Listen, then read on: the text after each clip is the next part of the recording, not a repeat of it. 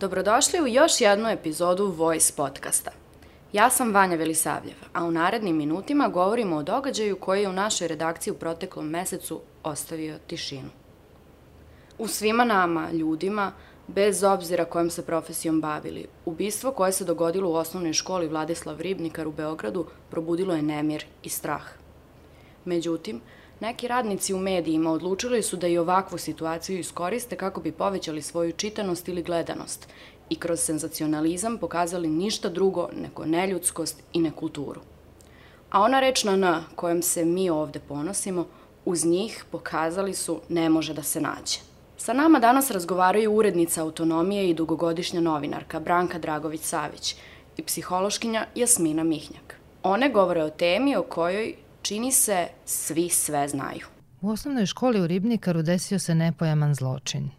I za bilo kakve laičke definicije i objašnjenja u tom pogledu nema mesta. Međutim, obaveza svih nas, celog društva, jeste da pružimo otpor toj normalizaciji nasilja i uspostavljanja prava jačega. A to se ovde dešava decenijama. Ćutanje na govor mržnje političkih aktera, konzumiranje medijskih sadržaja kojima se promoviše nasilje, glorifikovanje kriminalaca i ratnih zločinaca, sve je to saučesništvo u normalizaciji nenormalnog. Čuli smo Branku Dragović-Savić. Kroz svoju dugogodišnju karijeru i medije u kojima je radila susretala se sa različitim tipovima kolega.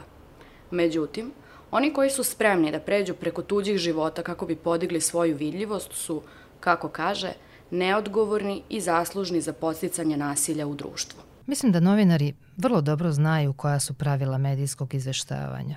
I ne postoji kodeks profesije da bi se primjenjivao samo u vanrednim okolnostima. Problem je u tome što, nažalost, većina onih koji se predstavljaju kao novinari u Srbiji ne poštuje taj kodeks i etičke standarde profesije, već naprotiv, neodgovornim i agresivnim narativom zapravo podstiče nasilje u društvu. I to čine i sada, svakodnevno kršeći kodeks, uprkos upozorenjima stručnjaka da time ne samo da ometaju istražne postupke, već i dodatno ugrožavaju i žrtve i doprinose ponavljanju zločina. Nažalost, zločin prema deci nastavljen je i nakon čina tragedije u osnovnoj školi u Ribnikaru i lešinarskim medijskim izveštavanjem tabloida koji ovu tragediju, bol dece i roditelja besprizorno koriste i za političku propagandu. Međutim, zločin je nastavljen i neprimerenim porukama političkih aktera, u kojima dominira jezik vulgarnosti i zastrašivanja javnosti, ali manipulisanje tragedijom u cilju uspostavljanja jedne unisone, jedne političke agende koja će se bazirati na jednoumlju, koja ne trpi razlike, koja ne trpi kritike. Zločin je nastavljen i naopakim i neodgovornim odnosno institucija nespremnih da preuzmu odgovornost, a koje vidimo i eksperimentišu sa decom koja su preživjela masakr. Zato je odgovornost svakog građanina ove zemlje da se tome suprotstavi.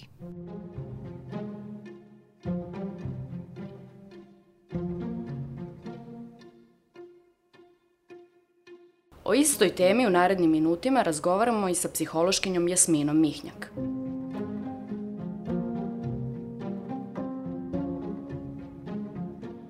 Šta se u stvari desilo u Ribnikaru?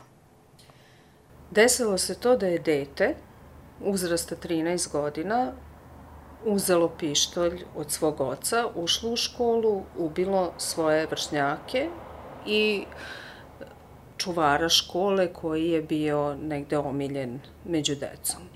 Desilo se nešto što niko od nas nije očekivao.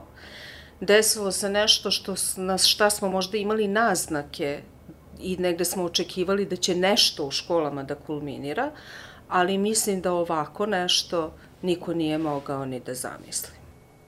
Kada govorimo o toj situaciji koja se desila, um, kakvo je bilo medijsko izveštavanje, kakvo je i dalje medijsko izveštavanje?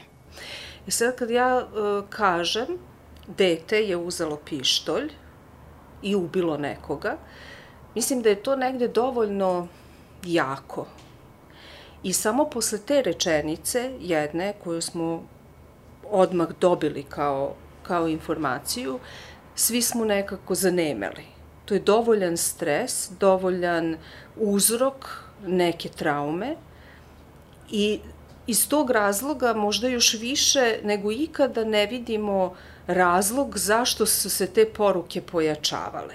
Inače, mnogo sada govorimo o tome kako je pogrešno izveštavati i kako treba izveštavati kada su ovakve situacije u pitanju, ali ovde je zaista nerazumljivo to da čak i je i povod takvih naslova da se dobiju neki klikovi, iako je ovo sve samo nedogađaj na kom treba um, zarađivati klikove i lajkove, ali opet sam naslov da ga tako vrlo jednostavno nazoveš svojim imenom je dovoljno jak da privuče pažnju. Znači, potpuno je bespotrebno iz bilo kog razloga bilo da se senzacionalistički izveštava ovome. Nažalost, mi i danas imamo e, nastavak toga. I dalje imamo spekulacije i dalje imamo e, jako e, su nam mediji zagušeni e, ovim događajem. Mnogo se i često priča o svemu ovome,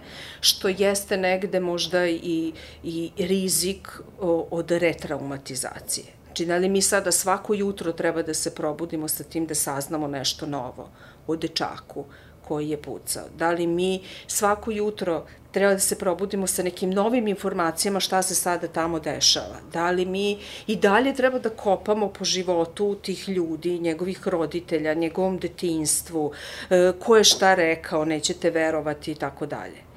Umesto da posle svega dozvolimo negde e, pre svega roditeljima koji su izgubili decu, barem toliko da mogu da žale u nekom miru. Dobro, tu si navela i neke negativne primere uh, izveštavanja, ali kako izveštavati u takvim slučajevima? Dakle, hajde da se vratimo na dan kada se to desilo, 3. maj. Kako izveštavati baš tada? Sve što smo mi trebali da znamo su samo neophodne činjenice. Znači, bez ulaženja u to, uh, pre svega o, ra o razlozima, zašto se tako nešto desilo, mi razloge ne znamo i verovatno je da ih nikada nećemo tačno ni, ni saznati i o tome se ne spekuliše. Čak i da znamo, e, to nije, e, nije način i nije poželjno da se, da se o tome govori. Da se do detalja opisuju e, opisuje situacija kako se to desilo, to se isto ne radi. Znači, bukvalno sve što smo trebali da znamo jeste samo informacija ko, šta, kako, gde. I to kako, onako, samo puka informacija. Uzeo je pištolj od oca. Nažalost, e, ono što je tu bilo možda i najproblematičnije jeste to nagađanje koliko je bilo e, poginulih, pa naslov samo u jednoj učionici sa sve nagoveštajem da je sada pet učionica, znači nije čak dovoljno strašna informacija da su deca, da je samo jedno dete nastradalo, pa je strašno. A ne da sada mi još kao nagađamo tu koliko je dece i to u, u situaciji kada ne znamo da li je još uvek njihovim roditeljima saopšteno to. Znači, to je, ne, ne znam šta treba da se desi da bismo mi obrnuli smer da bismo razumeli koliko je posao novinara važan. Ja nisam i e, po zanimanju novinari. Kada sam ušla u medije e, i u novinarstvo, zaista sam otkrila tu ogromnu moć koju novinari imaju. I iz tog razloga smatram da ne sme, ne sme ta moć da se daje bilo kome. Jer e, mediji imaju moć u ovakvim situacijama da dodatno traumatizuju ljude, ali imaju isto tako moć da smire situaciju. Da nas sve negde dovedu do toga da, da rade tu neku prvu stabilizaciju kada mi osetimo da nam se tlo ljulja pod nogama. I ovo nije, e, nažalost, prva takva situacija. Jeste možda najtragičnija od kad mi znamo za sebe. Mi smo puno, mi smo zemlja koja je zapravo puno toga prošla. Evo da se vratimo u najbliže nešto uh, što nam se desilo prethodno, ne znam, učiteljica, nastavnica u Trsteniku ili da uzmemo kao primer e, epidemiju koronavirusa gde se takođe mnogo spekulisalo i mnogo su nas mediji dodatno uznemiravali pored onoga što smo sami po sebi bili uznemireni datom, datom situacijom. I sada se pravi mnogo veliki problem, posebno se pravi problem nastavnicima koji i roditeljima a na kraju su žrtve sva deca koja idu u te škole, zato što se nagađa, zato što se spekuliše tome šta se sada tamo dešava, ne izveštava se šta je tačno sada tamo, koje mere su sprovedene, na koji način. Bukvalno je u jednom trenutku bilo predstavljeno kao da će sada deca sutra da se vrate u školu i da sednu u najmanju ruku da imaju kontrolni, što apsolutno nije tačno u Ribnikaru i u Mladenovcu se e, pruža psihološka prva pomoć e, zaposlenima, učenicima, roditeljima, ali mediji e, svojim izveštavanjem su uneli dodatnu problematiku na time mestima. Doveli su do toga da ti ljudi budu pod velikim pritiskom, da roditelji budu zbunjeni oko toga šta je sada šta treba da rade, da se odluke donose e, iznenada prateći to što se priča u medijima. Mi smo došli do toga, još da se vratim na taj slučaj iz Trstenika, da se mnoge e, situacije koje se dešavaju u školama više ne rešavaju sistemski da se uopšte ne rešava e, putem nekih koraka kako treba da, da funkcionišemo kada se desi nasilje u školi, već se sve rešava u medijima. I onda mediji zapravo budu ta porota koja e, e, nekog će da, da stavi na stup srama ili će da ga e, obesi ili će da mu ne znam šta uradi bez da smo iko od nas bili tamo. I, i bez da imamo prave informacije o tome uh, šta se zapravo desilo, da li su ispoštovane sve procedure, koje procedure postoje i tako dalje. Kako ovakvu situaciju onda da objasnimo? Kako ne iz medijskog ugla, već uh, iz roditeljskog, iz nastavničkog ugla? Kako da objasnimo deci šta se desilo? Pa prvo je važno da razumemo šta se dešava kada se desi neki, neki ovakav događaj. Namerno izbegavam da ga nazivam traumom, jer to je sada recimo jedna od prvih stvari koje često u nekom neznanju grešimo. Mi se ponašamo kao da se desila trauma, a u stvari se desio događaj koji e, izaz, iz, može da izazove različite reakcije i izaziva različite reakcije kod svakog od nas. Tako i deca na različite ra načine reaguju na sve ovo. Od čega zavise te reakcije, od čega zavisi e, da li će neko biti traumatizovan ili neće, neko više, neko manje, zavisi od hiljadu jednog faktora.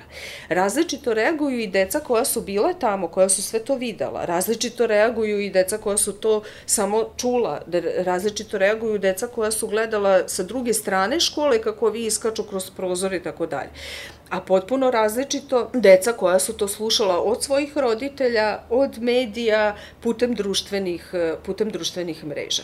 Znači, mi kada razgovaramo sa decom, mi zapravo tu više treba da slušamo, nego da mi bilo šta tu objašnjavamo. Mi treba da imenujemo događaj, kao i ovo što smo rekli za, za medije, da kažemo, da prvo vidimo jeste ču, jesi čuo, šta si čuo, Šta ti misliš o tome? Kako se osjećaš kada čuješ takvu jednu informaciju? Šta je to što osjećaš? Ako te to uznemirava, kako znaš da te to iznemirava? Šta se dešava u tvom telu kada razmišljaš o tome? Na taj način da više slušamo i da podržimo to da je sve to u redu. Da je u redu i ako si besan sada da je u redu i ako si tužan, da je u redu i ako si uplašen. Ok, plašiš se sada da ideš u školu. Ajde da vidimo šta je sve ono što tebi može da pomogne da se manje plašiš. Šta je to što može sada svima nama da pomogne da budemo barem malo, eh, da se osjećamo barem malo bezbednije. Jer u ovakvoj situaciji teško da mi možemo sada da idemo ka tome da, smo, da se osjećamo apsolutno bezbedno. Mislim da sada ne postoji ni jedan roditelj koji ne pomisli šta sve može da se desi kad pošalje dete u školu. Nažalost. Ali je sada trenutak kada treba da pričamo o tome, ajde da vidimo šta su nam sve snage, šta je ono što imamo. Umesto da pričamo o tome kako ćemo zapalimo školu, da pričamo o tome da je ta škola nije samo taj događaj, niti bilo koja druga škola. da u toj školi su ta deca odrasla, da se tu nalaze njihove učionice kada su bili mali, kada su kretali u prvi razred, da se tu nalaze njihove učiteljice, da je to prostor u kome su oni svi zajedno, da je to zajedništvo i dalje nešto što je njima ogromna, ogromna, možda i najveća snaga. I da se usmerimo na to. I to je ono što smo svi mi zajedno trebali da radimo ali smo negde svi kiksnuli u tom. Mislim da su, e, da su i roditelji negde u svom naletu besa koji je negde i očekivana reakcija. Mi znate kad se desi ovakva situacija, prvo imamo potrebu svi nešto odmah da uradimo, a zapravo se ne radi ništa kad se tako nešto desi. Kao kada izgubite iznenada bli, blisku neku osobu. Ne postoji bez razloga onih 40 dana žalosti. I nije to za džabe 40 toliko je negde, se procenjuje da traje period žaljenja. I to žaljenje ima neke svoje faze. A mi bismo odmah nešto. Ne možemo odmah nešto. Moramo prvo da se sastavimo, da se stabilizujemo, da počnemo da dišemo ponovo normalno. A onda nakon te faze nekog neverovanja, šoka i tako dalje, nastupa i snaga i, i faza besa, kada smo ljuti, kada tražimo krivca i tako dalje. I u svemu tome mediji za sve, celo društvo, roditelj za svoju decu, nastavnik za svoje odeljenje, je ta, taj svetionik koji zapravo e, daje neko svetlo u tom tunelu i vodi ka stabilizaciji. Najlakše na taj način što ćemo da normalizujemo sve ono što, sa, što osjećamo i da se vratimo u sada i ovde i vidimo koliko smo sada, šta je ono što sada osjećamo. Sad smo bezbedni sad u ovoj tački, u ovog trenutka niko ne puca. U ovom trenutku sada koje, ko su osobe od poverenja, ko su osobe kojima možemo da se javimo ukoliko nam je teško, da ako nam se plače, da ozvolimo sebi da se isplačemo, ako smo besni, da razumemo da je taj bes negde normalan, ali da je to reakcija takvog jednog, naša reakcija na tako jedan jak događaj, a da nije i ne treba da bude opravdanje za to da nekoga napadamo, da nekog nazivamo pogrdnim imenima, da sada krivimo bilo koga. Znači, postoje službe koje će se baviti time ko je odgovoran, ko je kriv i tako dalje. Ne treba mi da spekulišemo o tome. Da li misliš da je dobra praksa posle takvog događaja nastaviti sa nastavom uh, ili apsolutno prekinuti uh, prekinuti ovu školsku godinu s obzirom na to da nije ostalo ni mnogo do kraja? Da li samo u toj školi ili na nivou države? Koje je tvoje mišljenje? Prvo je u skladu sa ovim da smo svi različiti i da svi različito reagujemo na ovakav jedan događaj, teško je da postoji jedno najbolje rešenje. Znači, ne postoji. Nama se ovo prvi put desilo, ali tamo gde se dešava mnogo češće, ne postoje sada neka jasna istraživanja koja govore o tome, e ovo kad se uradi, onda će se desiti ne znam nije šta, nego će bilo šta, bilo ko da je radio, e, opet su postojala deca koja su imale i posttraumatski stresni poremećaj i deca koja su najnormalnije izašle iz svega toga i da su imali potpuno, potpuno različite, e, različite reakcije. Dakle, nema jednostavnog rešenja. Ono što uvek pomaže jeste vrlo jasna struktura. Šta god da se odluči, i sad se opet vraćam na to kako smo mi to pogrešno negde odradili, e, zato što smo e, iz tog ne, te neke potrebe da odmah nešto uradimo, možda prerano ušli u sve to, je ajde sad ćemo za tri dana da se okupimo, sad će tu ovaj onaj tim, i da tu zapravo nisu bila jasna pravila. I zbog toga što nisu bila jasna pravila, nije postojala jasna struktura, su eskalirali neki dodatni problemi koji su možda uneli još veću zabunu. Ono što... U kom smislu? Da nije bilo dovoljno vremena da se čitav događaj procesuira ili... To, ali i sa tim da roditelji recimo nisu bili obavešteni odmah o tome šta je jasno, ono striktno što ih očekuje u narednom periodu. E, da smo išli sa tim da se volonterski pruža prva pomoć e, e, tamo u školi što volonterski znači da može da se prijavi kogod hoće, a da tamo možda nije sve to organizovano na najbolji mogući način, da nismo seli, pa napravili prvo tim, pa onda dogovorili ovo je prvi korak, ovo je drugi korak, ovo je treći korak, sad vas očekuje ovo, pa vas posle očekuje ovo, ovo prvih mesec dana ćemo raditi to, nego nekako mi se čini da se sve to radi, e, radi u hodu. Takođe, e, o, informacije koje ja imam, e, su da e, i nastavnici na samom početku nisu znali tačno šta, šta da očekuju, kad će biti roditeljski sastanci, šta je ono što treba da kažu roditeljima na tim roditeljskim sastancima. Roditelji koji nisu pre nego što im je rečeno dovedite decu u školu, dobili uputstvo tačno kako i šta. Znači, mnogo sada tu ima nekih, ovaj, nekih stvari koje su mogle mnogo bolje da se organizuju, ali se nekako nadam da ćemo iz svega ovoga barem minimum to izvući, da ćemo e, sistemski e, napraviti, organizovati jednu e, grupu koja će služiti tim hitnim intervencijama, koja će tačno znati šta je ono što treba da se radi, nadam se ne u ovako drastičnim situacijama, ali u svakoj drugoj. Mi smo takav tim trebali da imamo i kada je bila, na primjer, korona. Nama, nisu tre, nama kriz, krizni štab je služio tome da nas stabilizuje, a ne da nas dodatno nervira, da nas opominju, da nas nazivaju pogrdnim imenima i tako dalje. Tako da smo tada, recimo, imali neki tim psihologa za krizne situacije, taj tim je trebao nama svaki dan da se obraća na, u medijima a ne tamo neki krizni štab koji je, njihov posao je samo bio da izveštavaju o tome koliko ima, šta je, kakva je situacija i tako dalje.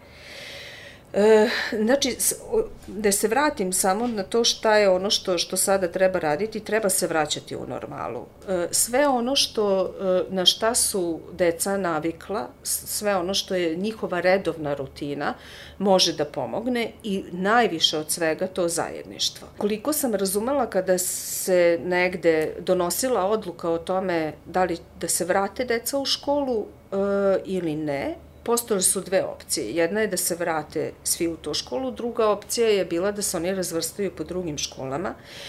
I odlučeno je za ovu varijantu iz tog razloga što i ja se negde slažem sa tim, zato što e, mislim da ne treba sada ni po koju cenu razdvajati odeljenja. Njima je najveća, najveća snaga to zajedništvo, to da oni budu svi zajedno, to da oni mogu zajedno da e, razmene svoje emocije, da oni mogu e, da tu budu sa ljudima koji su njima najveća podrška. Opet ću se vratiti na to da da, to mesto zločina može da e, dovede i nosi rizik od re, retraumatizacije. Ali sa druge strane, to je i sigurno mesto. I to je sad, zbog toga je specifičan jako ovaj događaj, jer škola jeste njima i sigurno mesto, u smislu da tamo postoji mnogo resursa koje oni mogu da koriste. I zato su mnoga deca želela da se vrate u školu. Iako je roditeljima to bilo teško i strašno i prerano i tako dalje. Ali su oni jako želeli da budu tamo. Jer tamo su njihove učiteljice, tamo su njihove, njihovi nastavnici, tamo su njihovi drugari, tamo su njihove učionice u kojima su odrastali. Tamo ima mnogo stvari, za, oni ne, ne vezuju tu školu samo za taj jedan događaj. Sa druge strane su opet različito reagovali i različite ideje oni davali e, šta sada treba sa tim raditi. I čini mi se da su deca tu imali mnogo konstruktivnija rešenja od nas. Oni su, na primer, predlagali da se ta učionica, da se to sve desilo, pretvori u neki e, centar koji će služiti tome da se oni tu prisećaju svojih drugara, da tu mogu da zapale sveću bilo kada, da tu mogu da dođu da se ispričaju sa nekim kad im je teško, da tu mogu da, da nekako ovaj, ispolje svoje emocije i sve ono što im treba. Znači, nema jednostavnog rešenja, ali ono što se trenutno tamo dešava jeste da se sluš, osluškuje i da se prati zapravo individualno svako dete. Treba da se sve polako i nežno vraća vraća u normalnu. I mislim da će tu e, mnogo problema nastati tokom leta i iskreno se nadam da se misli sada o tome i da će se obezbediti e, i nastavnici, posebno nastavnicima, ali deca kad se raspuste, oni će imati svoje roditelje koji će ih odvesti na more, koji će im nekako organizovati e, i taj letnji raspust, družit će se opet sa svojim vršnjacima. Nastavnici koji su sada pod izuzetnim pritiskom, koji su sada e, se još nekako drže, svesni toga da moraju da budu tu jaki za, za decu, da odrade sve što se od njih traži i tako dalje. E, čini mi se da, da su u ogromnom riziku da kada se raspuste, da će sve to da ih stigne i da će im zaista tada biti preko potrebno, potrebna jedna dobra, dobra podrška. Da li možeš da nam razjasniš uh, sintagmu generalizovana imitacija o kojoj govoriš u svom tekstu? Imitacija je uh, nešto što učimo još od samog detinjstva. Znači, još kao mali kad smo ono imitirali taši, taši, tanana. Uh, I kroz život se taj oblik učenja nekako učvršćuje. Um, On je, imitacija je sastavni deo identifikacije. Za identifikaciju je potrebno da postoji neka emotivna povezanost sa tim uzorom i sve to zajedno je zapravo jedno učenje po modelu. Za takvu vrstu učenja mi dobijamo nagradu, gotovo uvek. Znači dobijemo neko potkrepljenje počnemo da imitiramo ponašanje naših roditelja i onda oni budu jako srećni, pa taj osmeh roditeljski nam bude potkrepljenje.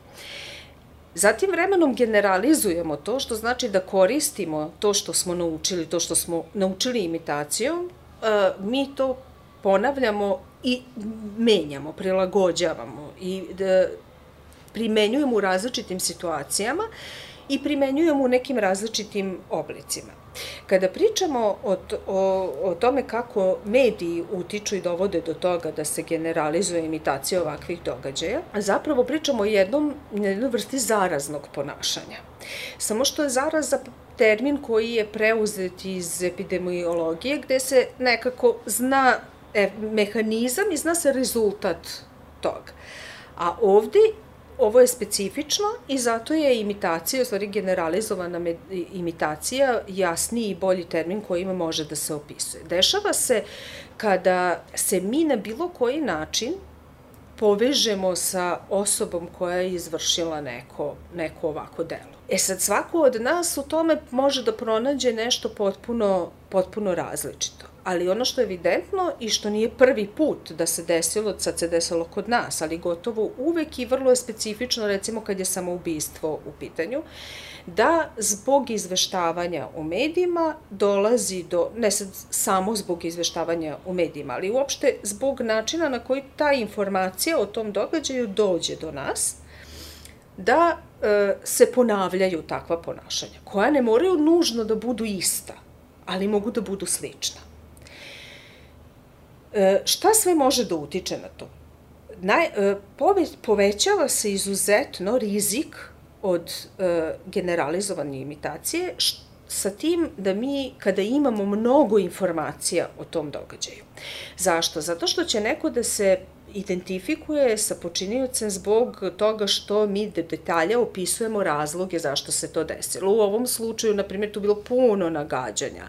Od toga da ga ne voli mama do toga da su ga drugari, ne znam, šikanirali do ne znam čega. Znači, apsolutno ne mora da, da ništa od toga znači, ali se puno nagađalo i mnogi oni koji su u sličnom problemu mogu da se identifikuju sa tim. I vrlo lako, moram da napomenem da je to na vrlo jednom nesvesnom nauče, godinama e, naučenom mehanizmu psihološkom, da dođe u situaciju da ponovi takav jedan događaj, što se sada i desilo. Mi smo tu napravili čitav spektar grešaka u medijima, zato što smo do detalja prekomerno iznosili informacije i doveli do toga da, da taj e, e, dečak koji je negde možda i želeo da, da, da ga samo neko vidi, a mnogo je takvih, nažalost, ovaj, dece koja samo žele da, se neko, da ih neko čuje, da kada ovako nešto uradi, dobije pažnju svih. Odjednom dobiješ pažnju i mame koja je do juče gledala u telefon kad pokušavaš nešto da joj kažeš, i tate koji nikada nije kod kuće. I ne samo to, dobiješ pažnju svojih vršnjaka sa kojima nisi znao kako da izađeš na kraj, dobiješ pažnju medija, dobiješ pažnju na društvenim mrežama, gde sada, ne znam, da li ste primetili, na primjer, na TikToku, kad ukucate ime i tog deteta, e, pojavi se 100 profila sa njegovim imenom. I mi moramo tu da imamo u vidu da mediji nisu samo oni mediji koje, za koje mi smatramo su javni mediji, da su mediji danas i društvene mreže.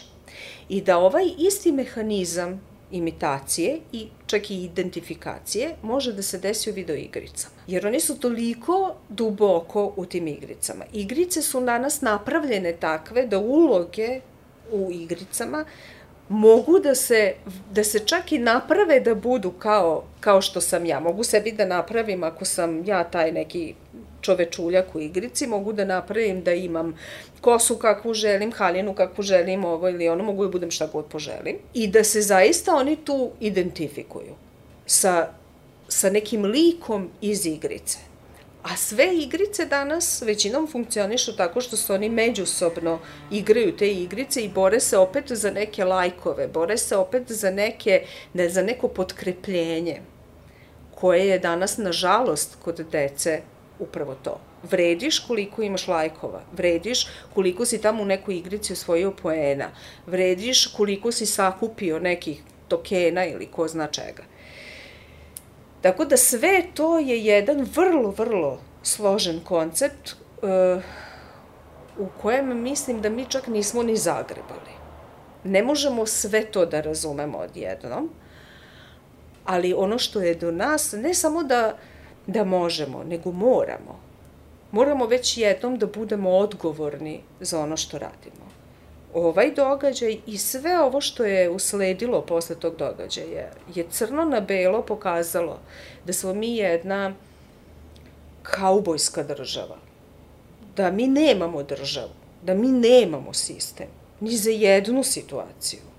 I deca to vide.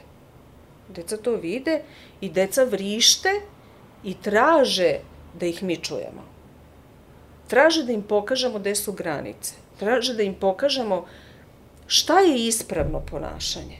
Traže da im pokažemo pravi put. Mi živimo u zemlji u goto, gde je o roditeljstvu, vakcinaciji, odgajanju dece, e, mentalnom zdravlju jednako da li o tome priča Jelena Karleuša ili neki stručnjaci koji imaju višegodišnje iskustvo u toj oblasti. Čak šta više Jelena Karleuša će doći do većeg broja ljudi. I šta je onda model koji mi ostavljamo deci? I zašto se čudimo da se ovako nešto uopšte dešava?